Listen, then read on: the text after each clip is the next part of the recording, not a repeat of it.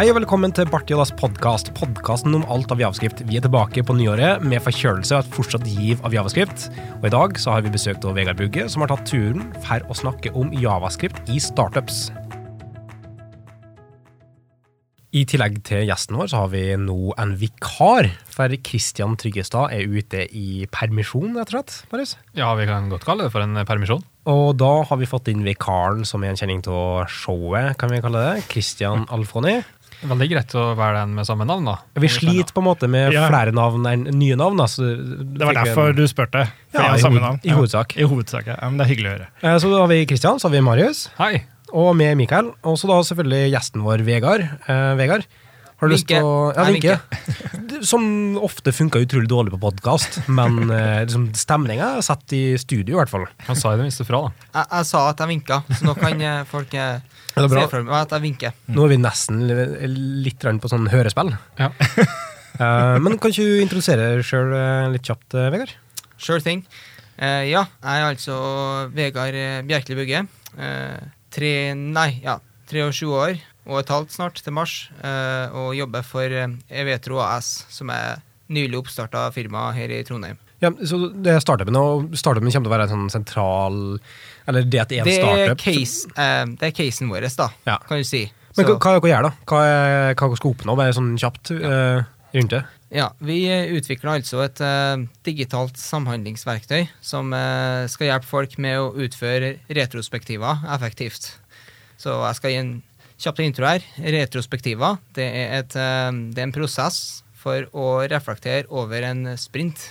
Og med sprint så menes da en eh, kort, i, i prinsippet, tidsperiode der man eh, jobber på et produkt og jobber på backloggen. Vi vet hva en backlog er, ikke sant? Ja, og jeg tror mange som hører på, er ganske kjent med, med liksom det med retrospektiv. Det er typisk som uh, gjør mer tå, gjør mindre tå, eller det her er positivt, det her er negativt. Og så da i neste skrømsprinten, f.eks., så skal du prøve å korrigere det. Ja. Ofte, ofte tilknytta kanskje prosessen. Sant? Du skal prøve å forbedre prosessen. og- Brukes gjerne i forbindelse med, med scrum og scrum-band. Men, Mm, men, ikke, men ikke utelukkende. Finnes det andre metodikker som må bruker retrospektiv? Du, altså det er bare et verktøy. Samme som med, med Scrum i utgangspunktet. Så har du bare sett med artefakter. Altså. nå skal vi ikke prøve å gjøre nei, podkast til metodikk og prosess-podkast. Men Nå er jo noen metodikker veldig rigid, og så er andre ikke så rigid. Ja, altså UP, RUP eh, Kan du Nei, nevne noen på den andre sida av 2000-tallet? ja, ok. Eh, Nei, men eh, altså, det er bare en artefakt eller verktøy for å hjelpe det styre prosessen litt, litt mer, eller ta lærdom av prosessen. For typisk tror jeg i hvert fall sånn som retrospektiv skal fokusere på prosessen, ikke nødvendigvis det tekniske rundt det. sant? Du skal ikke si Jeg synes um, dependency injection eh, gikk dårlig på dag tre av sprinten vår. Men du skulle si nei, dette her var en hindring pga. at vi ikke fikk kommunisert det her godt nok i teamet. Så derfor skal du da kunne ta det med videre til neste gang, eller løfte det opp til noen som Altså, vær. Så, så det, det det. Men jeg tror på en måte vi legger fra oss metodikkhatteren der. Men det er i hvert fall det som er målet med å lage et verktøy, software, for å gjennomføre sånne retrospektiver. Uh, og med det med startups, da, så har du et par behov. Det skal være kjapt, det skal være Altså å utvikle, tenker jeg. Uh, ikke Ja, det kan jo være performant òg, men uh, det skjer ofte liksom endringer og pivoteringer som, som gjør at plutselig skal implementere noe annet i stedet. Um, og, og det antar jeg da på en måte at dere har, har hatt en del erfaringer med type bruk av javascript med det. Hvem var det som starta, egentlig? Var det sånn at du var med å starte prosjektet, eller ble du henta inn til å realisere prosjektet? Ja, eh, offisielt, da, dvs. Si Brønnøysundregisteret, så står jeg oppført som eh, eh, partner, da. Co-founder av eh, Evetro. Så formelt er vi jo stifta i oktober eh, 17 eller noe sånt. Men eh, jeg ble hyra inn sånn i november året før. Så jeg ble liksom plukka opp eh, mens jeg studerte på, studerte på NTNU, da. Mm. Kunne du javascript fra før? Før du begynte på prosjektet? Uh, nei, faktisk. Jeg, jeg kunne ikke javascript, men jeg hadde litt lyst Jeg var interessert i å liksom prøve det. Mm. Hvordan er det du fikk jobben hvis ikke du kunne språket? Jo, jeg Um, um, Greia er at de eh, hadde ikke noe krav om språk. Altså den første prototypen, den aller, aller første versjonen av systemet, det var Eh, det var en webapplikasjon som brukte POP-templating, altså plain eh, templating i POP. Grøssere på ryggen. Og jeg Nei, alt av eh, businesslogikk var implementert i eh, og så var det jo ja, det usual utover det, da, sånne rene CSS-filer langs som en, som en dal. Og, og brei som ei elv. Mm.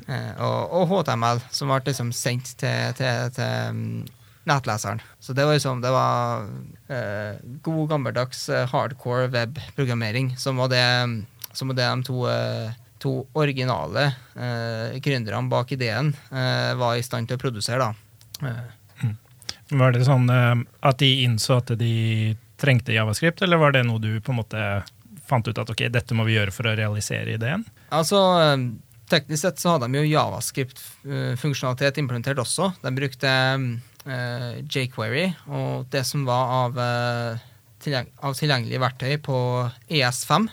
Eh, så med andre ord så hadde de liksom eh, svære filer der du har eh, eh, hva, i- hva vi kaller IFI. Ja. Be, be, ja, en sånn funksjon som deklareres og kalles med en gang. De eh, var stort sett Self-invoking anonymous functions. Immediately Eller invoked. immediately invoked. Immediately invoked functions. Uh, function expressions. Det er CIAF eller IIFA som er Dobbel IFE. Ja. Ja, Uh, takk for korreksjon. Uh, så det, det går i da når du kjører gammeldags eh, jQuery-kode. Eh, Jeg vil bare si at I praksis er det fortsatt det som skjer i koden din nå. da, ikke sant? jo, ja, ja. altså, En self-invoking function er gull verdt i enkelte tilfeller. Men altså, når du har moduler i webpack, og sånne ting, så er det funksjoner som blir rappa. Ja, ja, jeg er glad i det, jeg. Og. Men jeg bare husker Douglas Crockford som refererte det Det, det er jo sånne diskusjoner alltid med mellomrom og tabber og sånn. Men også hvor de parentesene som kaller denne funksjonen skal være, om det skal være innafor den rappende parentesen eller utafor. Mm. Ja, for det er jo samme Poenget bare at du gjør det om til en expression. Ja, og så er ikke sant? Og han refererte til hvis de er utenfor, så ser det ut som hundeballer. Kan det, har dere hørt det?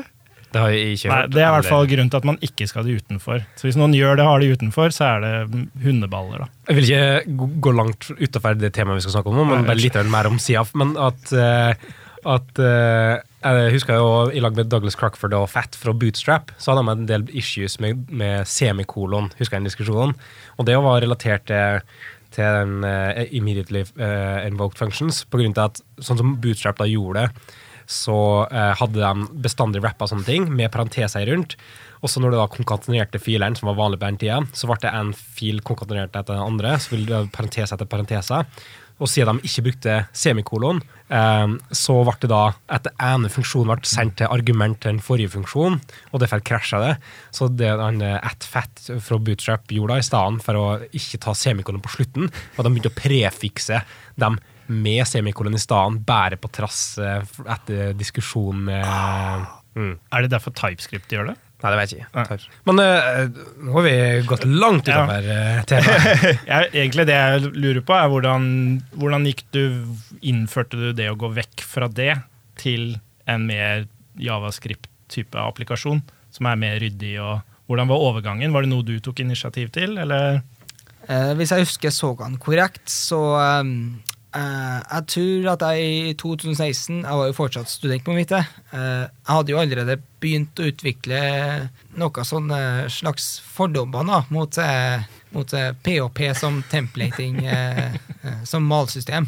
Så jeg var den enkle oppfatninga at PHP var noe som eh, var lett å, å gjøre ting galt i, eller åpne seg opp for, eh, for, for eh, for diverse lumske typer med, med ekle hensikter da, ut på den store vide weben. Så jeg var jo eh, Jeg hadde jo litt erfaring med matsystemet Twig, som i, i, i prinsippet ikke er så mye bedre enn PHP, men det, det ser litt mer ut som eh, HTML. Og så er det lettere å identifisere eh, portene da, som du kan blø fra.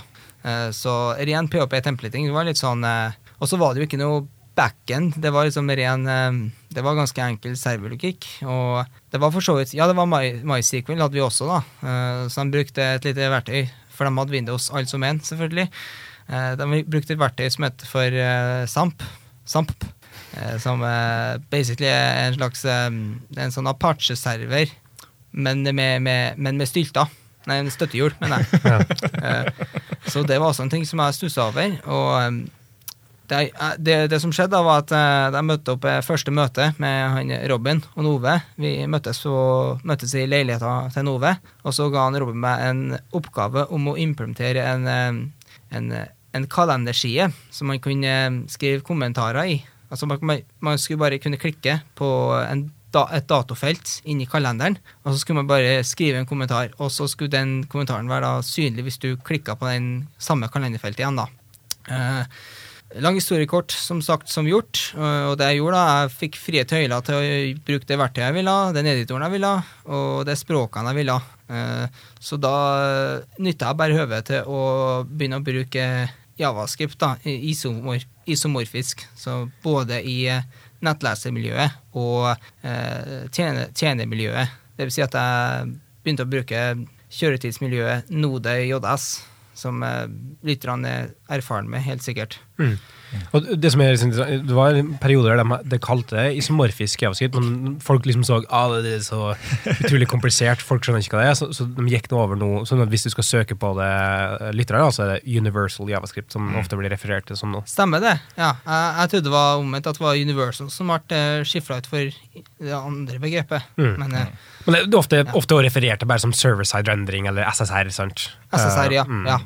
Eh, men hele hensikten er at du kan uh, outputte rett og slett uh, HTML-en fra Node. Uh, og det er ting du kan gjøre i say, React og Angler og sånne ting som kan gjøre det. Uh, og så er det andre ting som ikke nødvendigvis har støtte for det på samme måte. Så nå Angler holder på å uh, utforska med sånn ordentlig hydrering i begge sidene for å få til det ganske strømlinjeformet, som, som var noen interessante konsepter. Mm. Jeg bare supplerer med fra sida. Jeg, Mm, veldig bra, veldig bra. jeg syns Kristian driver og tar over eh, intervjurollen, så da må jeg komme inn med sånn sidestikk eh, på sida. Du må Ja, fylle vi- opp eh, dine pratekvoter for episoden. Ja, rett og slett. Ja, jeg skjønner.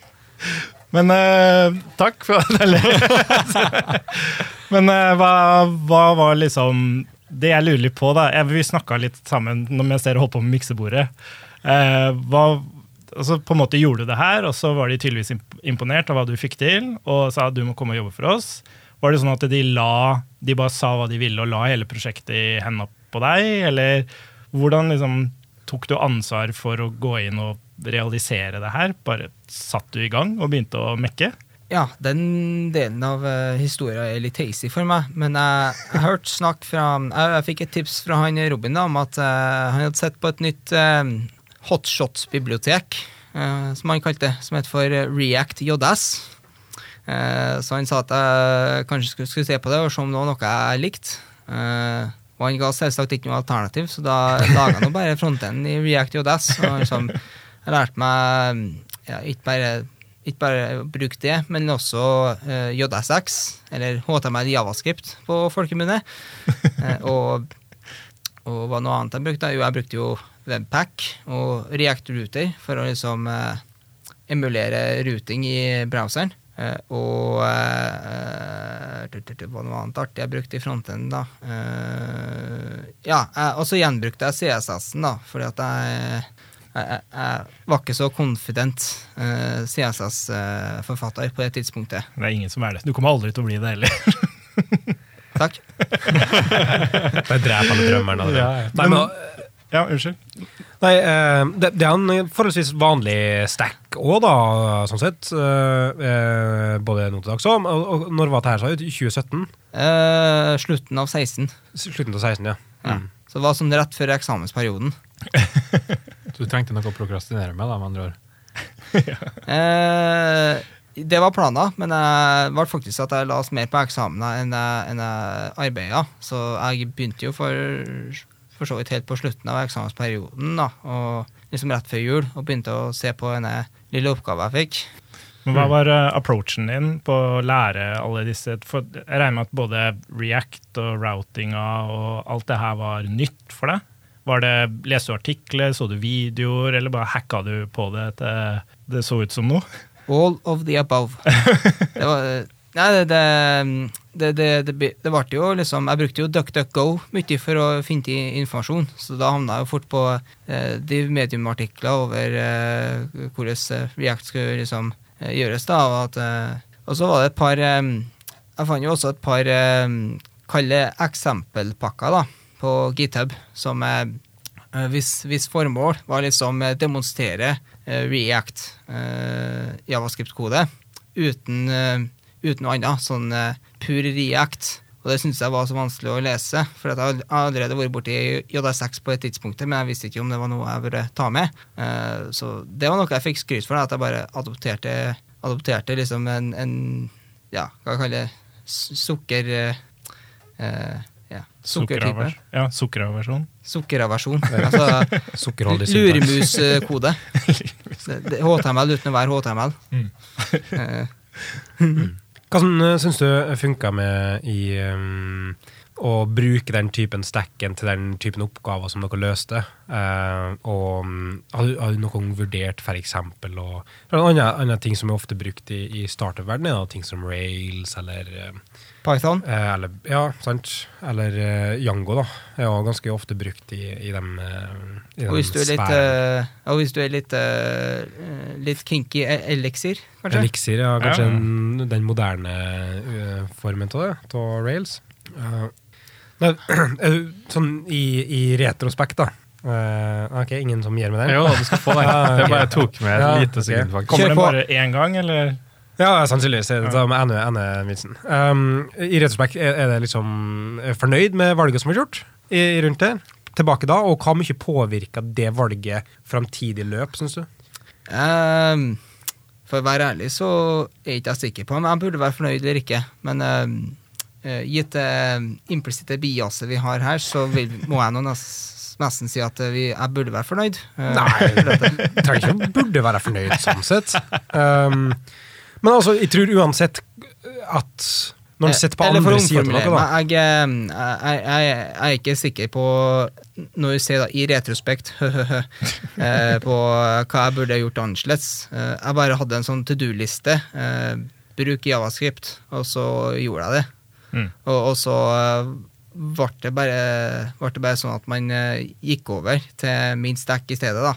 Og eh, fikk seg Og så fikk vi kvitte oss med den derre PHP-templatinga i eh, desember 17, da. Mm. Så det er ikke produksjon i dag, for å si det sånn. Men du nevnte det kom inn en kar, men det var en måned etter du hadde starta. Så kom det inn en kar til som skulle utvikle Samtidig. Samtidig var det. Var det, men eh, var det noen diskusjoner der rundt eh, stack og sånn, eller hadde Nei, altså det vi gjorde, var at eh, vi hadde hver vår katalog i, på repoet med, med, med PHB-stakken det andre heslet der, som vi, eh, som vi fikk jobbe på, da. Eh, så han, eh, han andre, han eh, Lars, eh, han jobba i sin mappe med en annen oppgave, med en annen oppgave og så jobba jeg med min oppgave på min mappe, som jo basically var et prosjekt i seg sjøl. Fullverdighet. Og nå er det din, din mappe dere begge jobber på? Eller? Ja, vi, vi, ja, som sagt, vi, jeg fikk fletta inn eh, arbeidet hans fra inn i mappa mi etter hvert. da. Sånn, etter litt om og men og litt eh, kluss og bannskap. Eh, og etter enda litt mer om og men og kluss og bannskap, så fikk vi jo importert eh, Fikk vi erstatta, da. Eh, den eh, gamle javascripten fra eh, gamle prosjektet, eller gamle versjonen av prototypen, i, inn i, eh, i, i, inn i min. Ja, for den, den uh, jQuery-biten som du snakka om tidligere, da.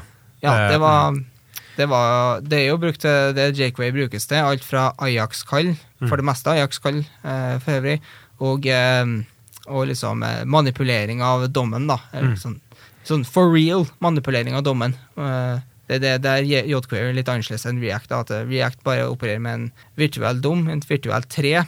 Eh, Representasjon av eh, dokumentet, mens eh, jQuery bare går rett inn og tukler med, med, med diver og sånt, og liksom legger på hover-saker, da, hvis man så måtte ønske. Mm.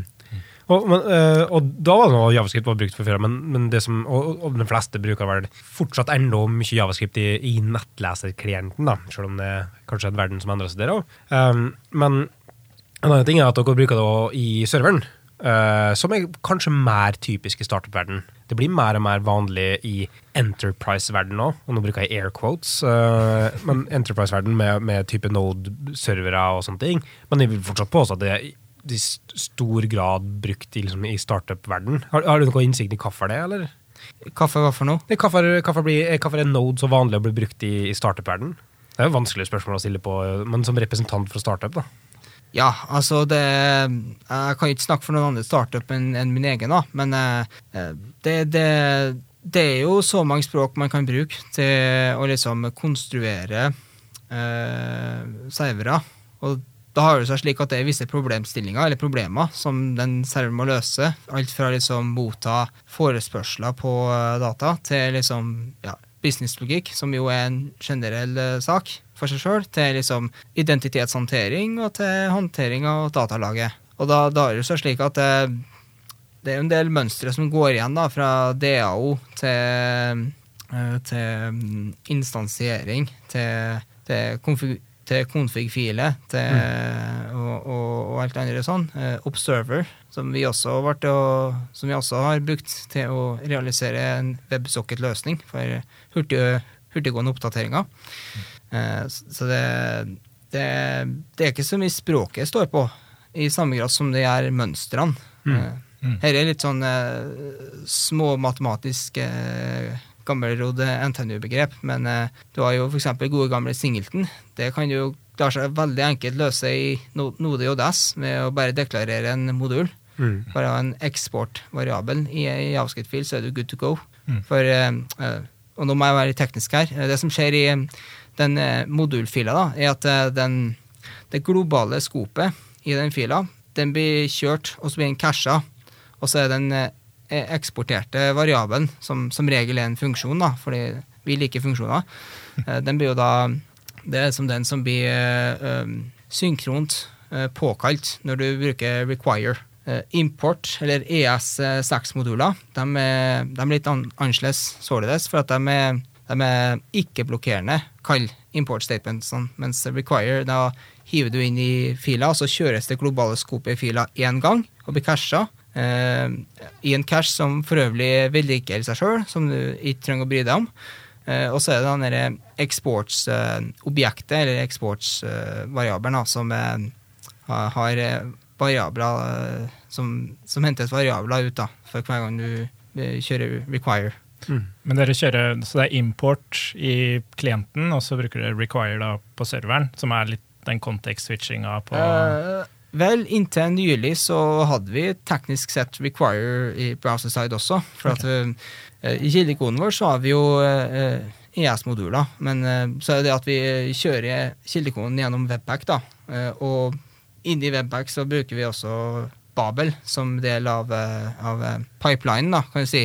Og det Babel gjør, da, det, det er den at finner denne eh, import-statementsene, og så erstatter den det, eller den emulerer en ikke-blokkerende oppførsel med require. Mm. Eller common JS-moduler, som det også heter på fagspråket. Og, og det vil jo uansett være emulering nå både i nettleseren og Node. De driver med reconciliation, eller sånn eh, enighet om, eh, om eh, import statements i, i Node ennå. Det har ikke ennå landa, men de holder fortsatt fast på liksom .mjs, da, som er den store kontroversen der. Mm.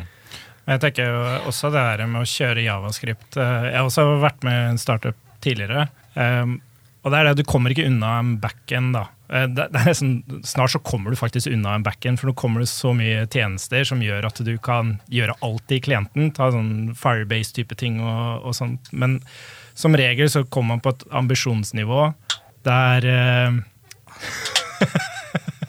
Du klarte ikke å gjemme den bedre? Nei. Som regel kommer man på et eh, ambisjonsnivå der man må introdusere en server. Og, da, eh, og det er selvfølgelig forskjell. Det virker her som at em, i forhold til hvor mye funding man har, altså kan man ansette en seniorkonsulent som har jobba med språket i mange, mange år, eller må man ansette noen som uh, ikke koster deg, Vegard, eller må man ansette deg, som har masse, masse giv og lærevilje.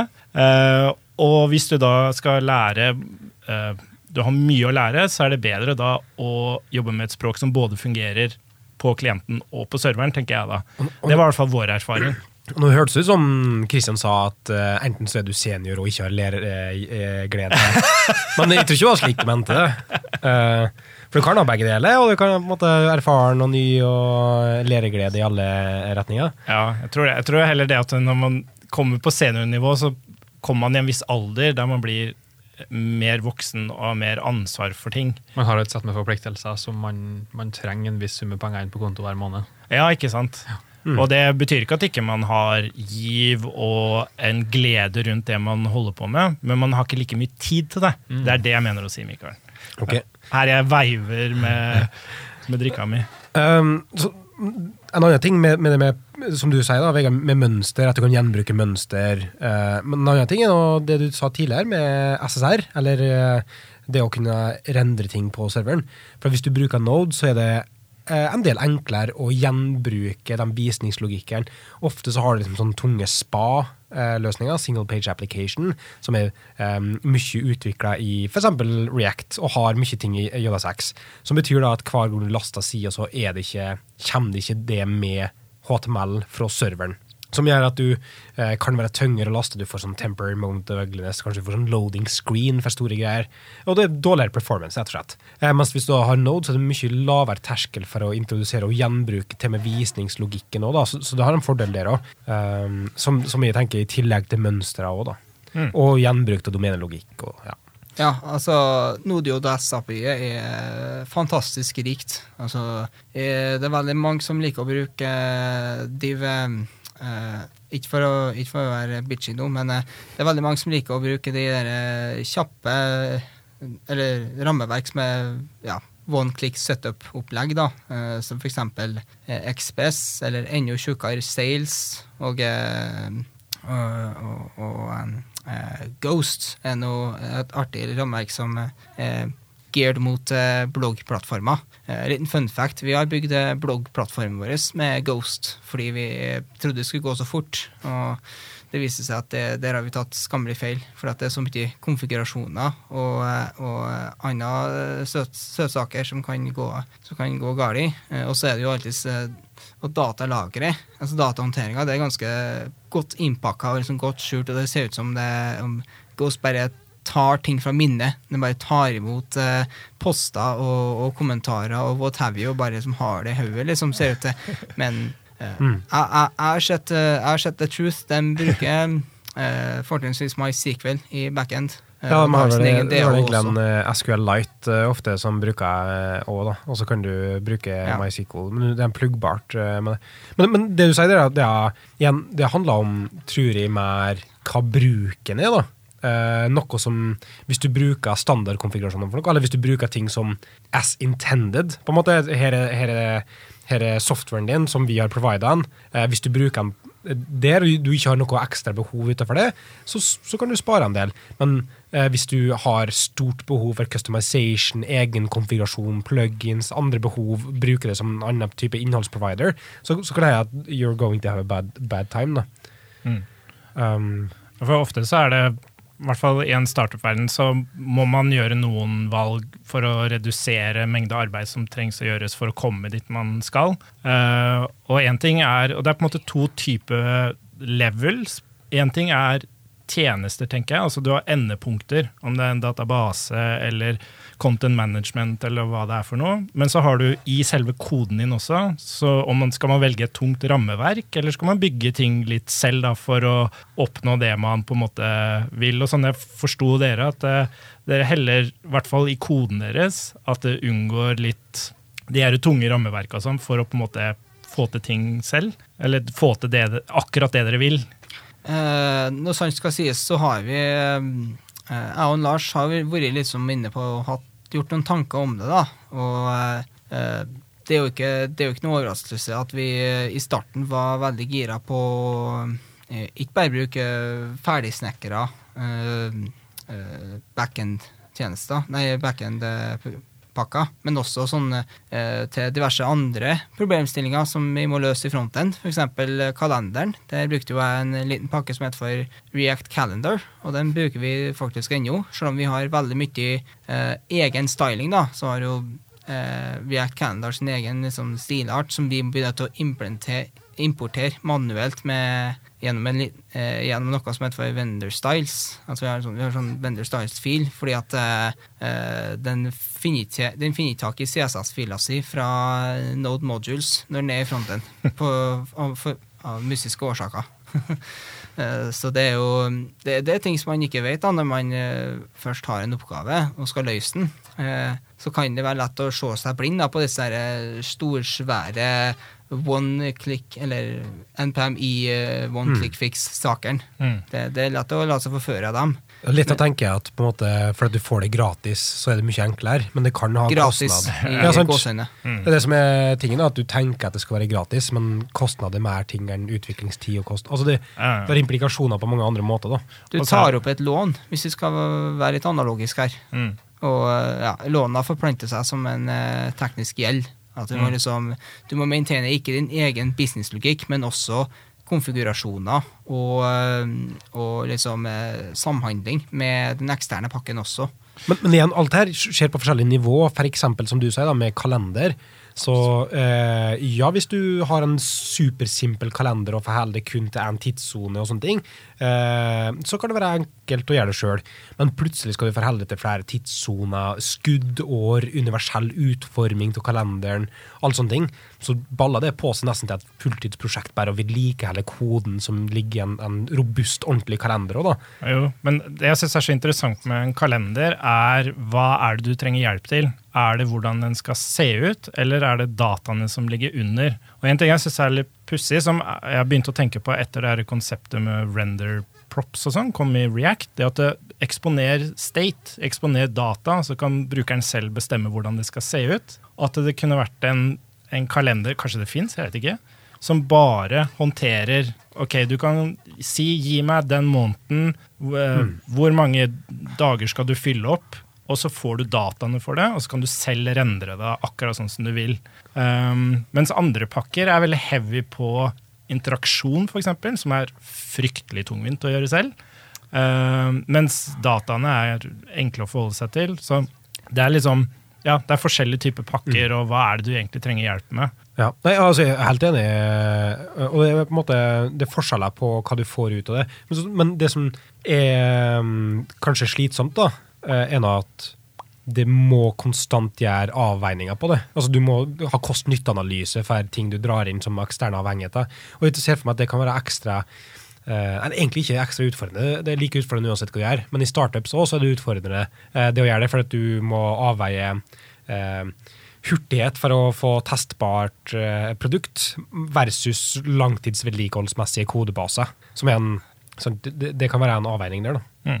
Har du full hva heter det, autonomi til å på en måte eh, gjøre disse valga? Rundt en kalender, f.eks., kunne du finne på å bare gjøre det selv? Sånn 100% Eller hvordan avgjør du når du vil gjøre det selv, og når du føler at ok, nei, nå må vi bare ok, det får bare fungere sånn som den pakka deg tilbyr, på en måte? med Altså- den gjelda som kommer. Ja, på, på det stadiet som vi er eh, nå, da, så er jo jeg litt, uh, litt tilbakeholden med å liksom uh, sjakle ut hele tredjepartspakka bare fordi jeg ikke liker API-et deres. Uh, det er jo sånn det, da er jo sånn at det, går, det går jo fint an for meg å bare ha en egen branch og liksom jobbe der. Og liksom ha en uh, liksom komme med en pull request og, med, og ja, forsvare avgjørelsen min, da. Eh, men eh, det, det, det det koker ned til, er liksom, eh, liksom hva, hva brukeren får igjen for det. Det er en sånn metrikk som vi har prøvd å implementere nå i eldre fase av, av produktet. For at vi, må, vi må ha en retning, og vi må ha Og vi trenger, trenger flere kunder, så Mm. vi må forholde oss deretter. Har du noen eksempler på hvor dere har valgt å lage en egen løsning, men kunne valgt en ferdig pakke? Um, ja, det tror jeg jeg har. Um, nå er det sånn at jeg har ikke helt autonomi full stack, det var det du sa, Mm. ikke sant? Autonomi. Uh, men i backenden er det jo jeg som har eh, flest linjer, og, eller flest levende linjer committa. Uh, det har jo vært en del endringer der i senere år. Men eh, ja, én ting som eh, eh, Nå er ikke jeg helt sikker på det sjøl, men dere kjenner kanskje til pakken Passport? Mm. Ja, den uh, autentiseringsløsninga Ja, det er en, autentiserings, en pluggbar autentiseringsløsning som bruker strategy-mønstre til å liksom uh, bruke ja, enten Google-logging, Facebook-logging, GitHub-logging, uh, what have you. Typisk for å plugge inn liksom OAuth-flyta da, til forskjellige eksterne tjenester. OAuth- OAuth-flyt. Ja, stemmer. stemmer. Uh, så eh, eh, det jeg gjorde i stedet, da, var at jeg eh, eh, Ja, det var vel på en eh, proggekveld med, med Beck, her på Diggs, tror jeg det var, faktisk, at jeg bestemte meg for å lage min helt egen eh, ja, enkelfaktor autentiseringsløsning som var passordløs. Eh, bare fordi at eh, Jeg leste en eh, artikkel av en eh, eh, Kommer ikke på navnet hans, så jeg skulle gjerne shouta ut, men jeg kommer ikke på navnet hans. Eh, han som skrev passwordless-modulen da, eh, på, på GitHub, eh, han skrev en artikkel som eh, basically ranta over, over hvordan alle all brukere bare bruker 1, 2, 3, 4, 5, 6 til passord og, og sånne ting. og he- he- hele, hele verden. Uh, is nigh, osv. Og, så videre, og det haster med å bli kvitt oss med passord som uh, lås på uh, brukerdataene våre. Så det er jo uh, det, det er jo en trend da, som uh, går, går på å liksom skyfle ansvaret fra brukeren, sluttbrukeren, over på uh, utviklerne, de som vedlikeholder produktene, og på å ivareta sikkerheten til sluttbrukerne, da, fordi at de ser ikke ut til å være så interessert i å gjøre det sjøl, mer enn at de vil få ting ut av Eller få eh, resultat ut av produktet ditt, som får nytte av produktet ditt, mer enn de vil eh, ivareta sikkerheten sin for å fortsette å få eh, glede av produktet. Eh, så du, du har jo eh, røsla som eh, zero conf, eh, eller secure config by default. Der er jo MongoDB et strålende eksempel, men som et positivt eksempel, de hadde jo, jeg tror det var versjon 2, at de hadde en standard eh, URL som man kan koble til, eh, localhost, port eh, 27017, ganske, ganske perifer. Eh, og eh, hvis man ikke endrer seg konfigene Jeg tror det var en annen konfig-variabel å snakke om, men det var en av dem i hvert fall som eh, en, eh, eh, som en eh, den jevne hacker var, var klar over, og som eh, tilfeldigvis klarte å eh, fant en, fant, uh, fant en slik default-config på Jeg tror det var en uh, jeg tror det var en applikasjon for å levere voicemails til en sånn uh, digital isbjørn og alle ting. Eh, jeg har det, det oh, Jeg husker ikke tåken, men det var en fra Snyk som hadde en tåken. da, og Han snakka med dattera si, som hadde en sånn isbjørn, som, eh, eh, som eh, leverte da stemmen til bestemor fra seg. Så bestemor snakka gjennom isbjørn, og så hadde bestemor en annen isbjørn som eh, man kunne sende voicemails gjennom, og så kunne liksom eh, dattera bare ha liksom klikke på en eller annen knapp som på en poten på isbjørnen, da, og, og så spiller spille stemmen til bestemor. Skikkelig søtt. Uh, og så var det jo Men så var det sånn at uh, den voicemailen da, den ble jo frakta over et eller annet, over en eller annen kanal. Uh, da kan vi gjette hvilken. så eh, det, det er jo en saying som går, da, at, et ordtak, at eh, hvis, det, hvis det er kobla til nettet, så er det noen som får tak i og får utnytta det, hvis det ikke er properly secured. Det er fordi jeg gjelder mye på nettet. Oh, ja. eh, eh, dere er advart. Men det er veldig interessant det der med at det er en sånn um, Man løper alltid en risiko når man bruker en ekstern pakke. fordi én ting er i forhold til om det faktisk er sikkert, men også fordi at eh, du ikke vet hvordan det er implementert. Kan jeg, eh, kan jeg interjecte her, Ja? Eh, altså Det om en, at en prakke er sikker eller ikke, det spiller jo seg på flere faktorer. Uh, uh, når det gjelder NPM, så er det jo, så er jo den store fordelen at det er jævlig mange uh, NPM-moduler tilgjengelig. eh, som er jo bra. Veldig mye å velge imellom. Eh, ulempen med NPM er at det er jævlig mange NPM-moduler å velge imellom. Så uh, det, det, det er jo liksom Det er all slags mulige folk som legger ut eh, kildekode som du kan bruke ja, som regel. Du kan bruke gratis og vederlagsfritt til ditt eh, Enterprise-prosjekt. Eh, I hvert fall hvis de er med BS3, BSD3-lisensiert. Eh, og er MBT-lisensiert. Eller gå og sjekke hvor mange stjerner de har på GitHub. Det kan man også gjøre. Ja, eh, jeg, jeg, nå snakker vi om MPM her, da, så Det er jo stort sett samme readmin jeg bruker, det er jo GitHub også. Det, det, eh, ja, så, så det, det som er, da, er at eh, jeg kjenner ikke til noen uh, ordentlige metoder for å liksom uh, se bare på av readmin eller av statistikken eller whatever på hvor, hvorvidt en modul er liksom kan gi deg trøbbel eller ikke. Så det er noen eh, kjekke karer i statene som har, som har eh, satt sammen et lite system, et, liten, et lite program, som du kan installere eh, globalt via NPM, selvfølgelig, som heter for Snyk. Og det Snyk gjør, er at den skanner gjennom alle dependensiene dependensiene dine, som du har lista opp i package.json, eh, og så eh, finner den ut Ja, den gjør det rekursivt, ja, så det er sånn eh, skikkelig hardkode greier. Og så finner den ut hvem som har Så lister den opp hvem som har liksom, forskjellige uh, sårbarheter av forskjellig grad. Så da har du sånne uh, greier som at eh, buffer ikke er initialisert, da, som er som regel rød. Sånn 8-9 severity. Eh, eh, Og, og snyk er også ting som eh, Du har sikkert brukt det du bruker snyk til? Vi bruker det, ja. ja du òg, Kristian? Eh, Eller er Det det er det, sikkerhets- GitHub bruker? Eh, nei, de bruker noe Det er sånn tror jeg. Men, men, men du kan typisk ha for, bibliotekene dine, så kan du ha en eh, eh, snyk som en badge som du går og sjekker hver gang du gjør en release, og så om du bryter på det. Første gang jeg hører om det her. Eh, men i tillegg så har nå NPM eh, kjøpt eh, Lift som sikkerhetsselskap som drev med det samme. Sånn at det er innebygd også nå i NPM, så hver gang du installerer en pakke fra NPM, så får du opp audit history. Og ja, de det- har en egen kommando, Mm. audit, som du kan Ja, og så skjer det også når du installerer, så får du opp en sånn liten linje helt nederst der det står uh, one critical, one warning.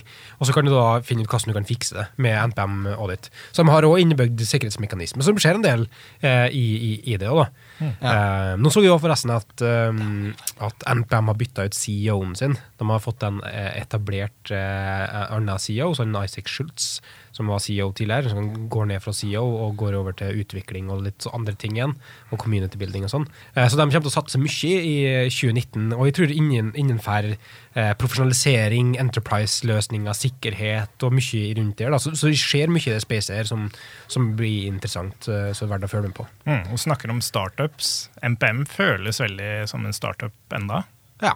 Jeg, Det er jeg- veldig Silicon Valley-preg over det. Mm, det er det, det, litt altså. sånn eh, basar, eh, anser jeg det. For at det er så mange moduler ute og går, og det er veldig mye å velge mellom. Ja, for det er litt, Hvis man trodde at det var f.eks.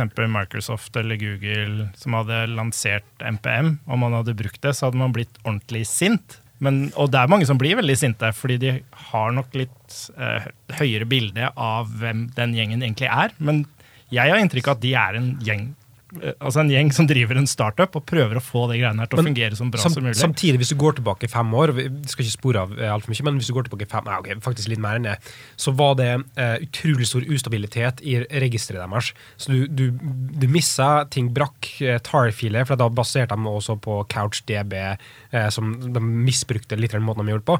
Men så har de gjort om her infrastrukturen sin, de har jobbet profesjonalisert, og ehm, det er nesten ingen som noen gang opplever at f.eks. registeret er nede.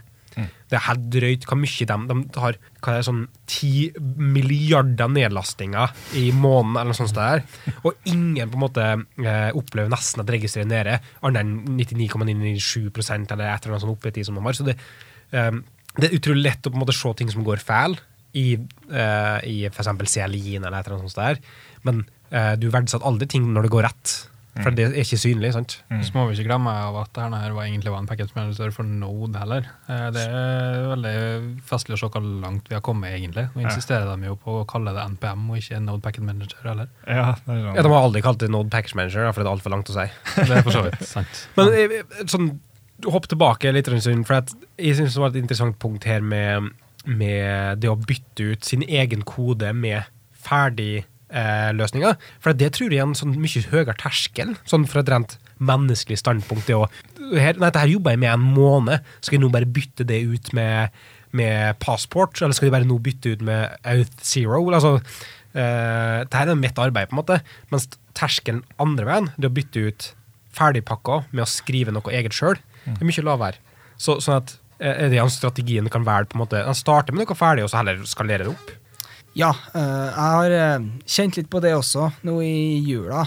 Uh, fordi at eh, vi har fått litt uh, har uh, måttet patche deler av uh, autentiseringslogikken min. eh, som eh, Ja, eh, skal vi se eh, Det er litt uh, hysj-hysj, egentlig, men eh, Ja, du sier noe til eh, mange lyttere. Ja. ja, Tusenvis. ja, ok. Uh, skal komme en oppfordring her nå. Eh, please hack oss. Eh, så den store eh, lang historie kort, så brukte vi Jodson webtoken til å håndtere sessions. Eh, og det fant jeg en artikkel på for lenge siden som eh, advarte sterkt mot, da, fordi at sessions er noe som er ment å vare lenge. Og Jodson webtokens det er sånne ting som du ikke kan invalidere manuelt. De bare expirer etter en viss tid. Så hvis den tida er tilstrekkelig lang, så kan du i teorien, eller i praksis, da, eh, ende opp med at det er liksom uh, hvor mange uh, som helst webtokens i omløp. Fordi at uh, enduseren din har uh, kuka til noe, eller at uh,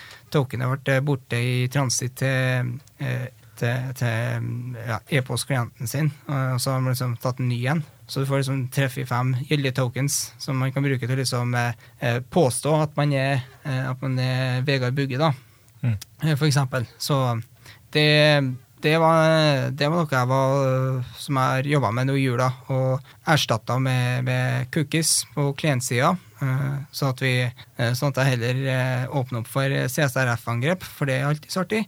Og, og på servicesida så bruker vi en modul som heter for Express Session, som er sesjonhåndtering, som er et pluggbart sesjonslager. Og det sesjonslageret jeg har eh, valgt, da, det er en egen, en slags avart av eh, Connect Mongo eh, Store, som eh, basically eh, er, litt annerledes. eh, Og eh, det lagra sessions i, i shared session-database, på en måte. ja, ja, ja. sånn at det kan skalere utover én prosess. ja, I tilfelle vi trenger det. Ja. Vi har ikke kommet hit ennå, men vi syns det er kjekt å ha. Mm. Ja, men det er god praksis i utgangspunktet, da, å ikke ha statefulle eh, servere. sant? Eh, Jeg, tror vi eh, nærmer oss eh, slutten. Vi har snakka ganske lenge. Men sånn helt på tampen Hvis du skulle hva, Har du noen anbefalinger rundt hva burde startup eller aspirerende startup-folk nå og Nå, snakker vi teknisk her, så ikke bli, jeg så du ble litt skremt. Så det trenger ikke være et kjempestort nivå. Men hva burde de velge, hva burde de implementere sjøl? Hva burde de velge eksisterende løsninger? Har du noen tips der? Ehm, hvis, eh, hvis, dere, hvis man er som meg, da, og liksom skal ha en to do-liste der man har skrevet opp eh, 'bruk javascript', eh, så er det fordelaktig å prøve å løse flest mulig problemer sjøl, sjøl om det går til hundre og helvete. Spesielt hvis det går til hundre og helvete, for da lærer du. Mm. Eh, selvfølgelig du tjener ikke så mye penger på det, men du, du blir flinkere. Og eh, startups er jo alltid en fin vei inn i, inn i, inn i voksenverden. Eh, eventuelt det finnes springbrett til en annen startup, hvem vet. Eh, så eh, ja, noen noen går jo vei i liksom the valley of death, og andre utvikler seg og vokser og blir til sånt uh, ordentlig korporasjon. Og Det er jo alltid noe man egentlig vil, sjøl om man ikke liker eh, navnet eller tittelen. Uh, eller kanskje kulturen som generelt, men det er alltid noe man vil, uh, vil vokse, sjøl om man man vil vokse både som utvikler og som, eh, og som uh, gründer. Det vil man jo gjerne. Så derfor så uh, på generelt grunnlag så er det mitt tips til fulle da, å liksom heller liksom ha, ha etablerte, uh, populære alternativer, som for eksempel ja, jeg er et lite unntak for Express, fordi Express er litt sånn ganske minimalistisk og uh, unopinionated. Um, med unntak av middleware-mønsteret, selvfølgelig. Men eh, det var det, og så har du liksom, du kan ha ting som eh, eh, SAS-løsninger. IAS-løsninger som Okta og Outh Zero. Det er sånne ting som du kan ha bakhodet. Og så kan du se an på pricinga og så liksom vurdere når, du, når dere har når dere har midler da, til å liksom kunne investere i et mer Enterprise-aktig uh, problem, problemløser som sitter på andre sida av, av kloden og liksom gjør ting for deg. da. Godt oppsummert. Veldig godt oppsummert. Har vi øvrige spørsmål? Er vi fornøyd? Jeg tror vi er veldig fornøyde. Ja. På tampen av episoden så kan vi jo beklage for den eh, Squeaky ekstremt uh, knirkete stolen i studio. Det er lurt å ta det til slutt, sånn at de Ja. ikke merker det i løpet av episoden. Ja, ja, det er jeg helt enig i. Så Um, alle dem som ikke har lagt merke til det til nå, gratulerer med det. Da har vi klart å fjerne det i post. Men Ja. eh, Ta oss og Hør på episoden på nytt. Men det er viktig å høre ferdig den her først, og så starte på nytt igjen, sånn at du får en ny lytterstatistikk. ja, så kan du godt ta med det forrige episode òg. Åpne episoden i YouTube. Ja, det er Nei, det, eh, dere legger ut på Soundcloud. Soundcloud, ja. Okay. Eh, Soundcloud, eh, iTunes og eh, wherever your podcasts are sold. Og mitt absolutt beste tips av alt er hvis du bare jekker opp hastigheten til 1,5. Det er- Da sparer du så mye tid. Ja. Um, Nå snakker jeg veldig trøndersk, altså jeg vil ikke anbefale det. Nei, I motsetning til oss som har en utrolig lettforståelig dialekt. Ja, ja. Eh, Men en annen ting som, som vil plugge helt på slutten, her, er at uh, sjekk slack.partiodas.io. Der har vi en uh, slack eh, kan melde seg inn på slacken vår. Der er det et community med folk som chatter. Uh, dere kan ta og diskutere også episoden, men òg generelle ting rundt uh, javascript eller utvikling. uh, uansett hva det måtte være. Og der snakker vi ikke dialekt. Det snakker vi ikke dialekt. Nei. Eh, Det gjør vi ikke. Vi kan gjøre det. Uh, tusen takk. Hvis eh, noen har lyst til å ta kontakt med deg, Vegard, og stille spørsmål og, og få tips til utvikling, har du en plass, en kanal der du kan bli kontakta? Vel, uh, jeg har eh, eh, Nå banner jeg litt i kirka her. Jeg har faktisk ikke Twitter. Eh, har ikke tida til, til strømmen der. Men jeg har nå en eh, har nå altså en GitHub-side. Uh, at eh, Vegard BB. Og den oppgir jo en e-post som, jeg har- som jeg råder over enn så lenge, så da går det an å sende e-post der, da. Eh, det, det er ikke farlig. E-post er, det er bra teknologi. Solid. E-post har kommer for å bli. E-post er, e-post er absolutt eh, kommet for å bli, ja. Eh, så eh, utover det eh, Jeg kan jo alltid si meg med i Slack-kanalen, jeg òg. Så, så jeg bruker samme handle der. Ypperlig. Ja. Eh, takk. Eh, Kristian, Mm. du har eh, Kan du ikke ferdig denne episoden bare si at du er Larriaks? Jeg kommer til å savne Ja, hvor mange Eller jeg kan si at det, det er Christian Alfoni, og så kan du spørre hvor mange x-er er Ja, det i. ja, ja, gjør det. Okay. Um, ja, mitt handle på Twitter er Christian Alfoni, og det samme på Slack. Ja, hvor mange R-er og X-er er det? Uh, nå er jeg forberedt bare på x-er. Ja, to R-er og en X. Ja, ok, To r-er og en x. Ah, okay, ok. Eh, Marius, hvis du har spørsmål rundt til Bartidas eller noe generelt til det. Vi finner du på @krakels på Twitter. Og så er vi på Slack. Og så er jeg definitivt på Slack. Eh, vi kan ta kontakt med via at Mikael Brevik, eller faktisk også at underscore Bart Joddas. Uh, kan du også stille spørsmål direkte rundt podkasten òg. så da gjenstår det egentlig bare å si eh, takk for at du hørte på. Så høres vi i neste episode. Og det gikk opp på slutten, ja! Det var nytt.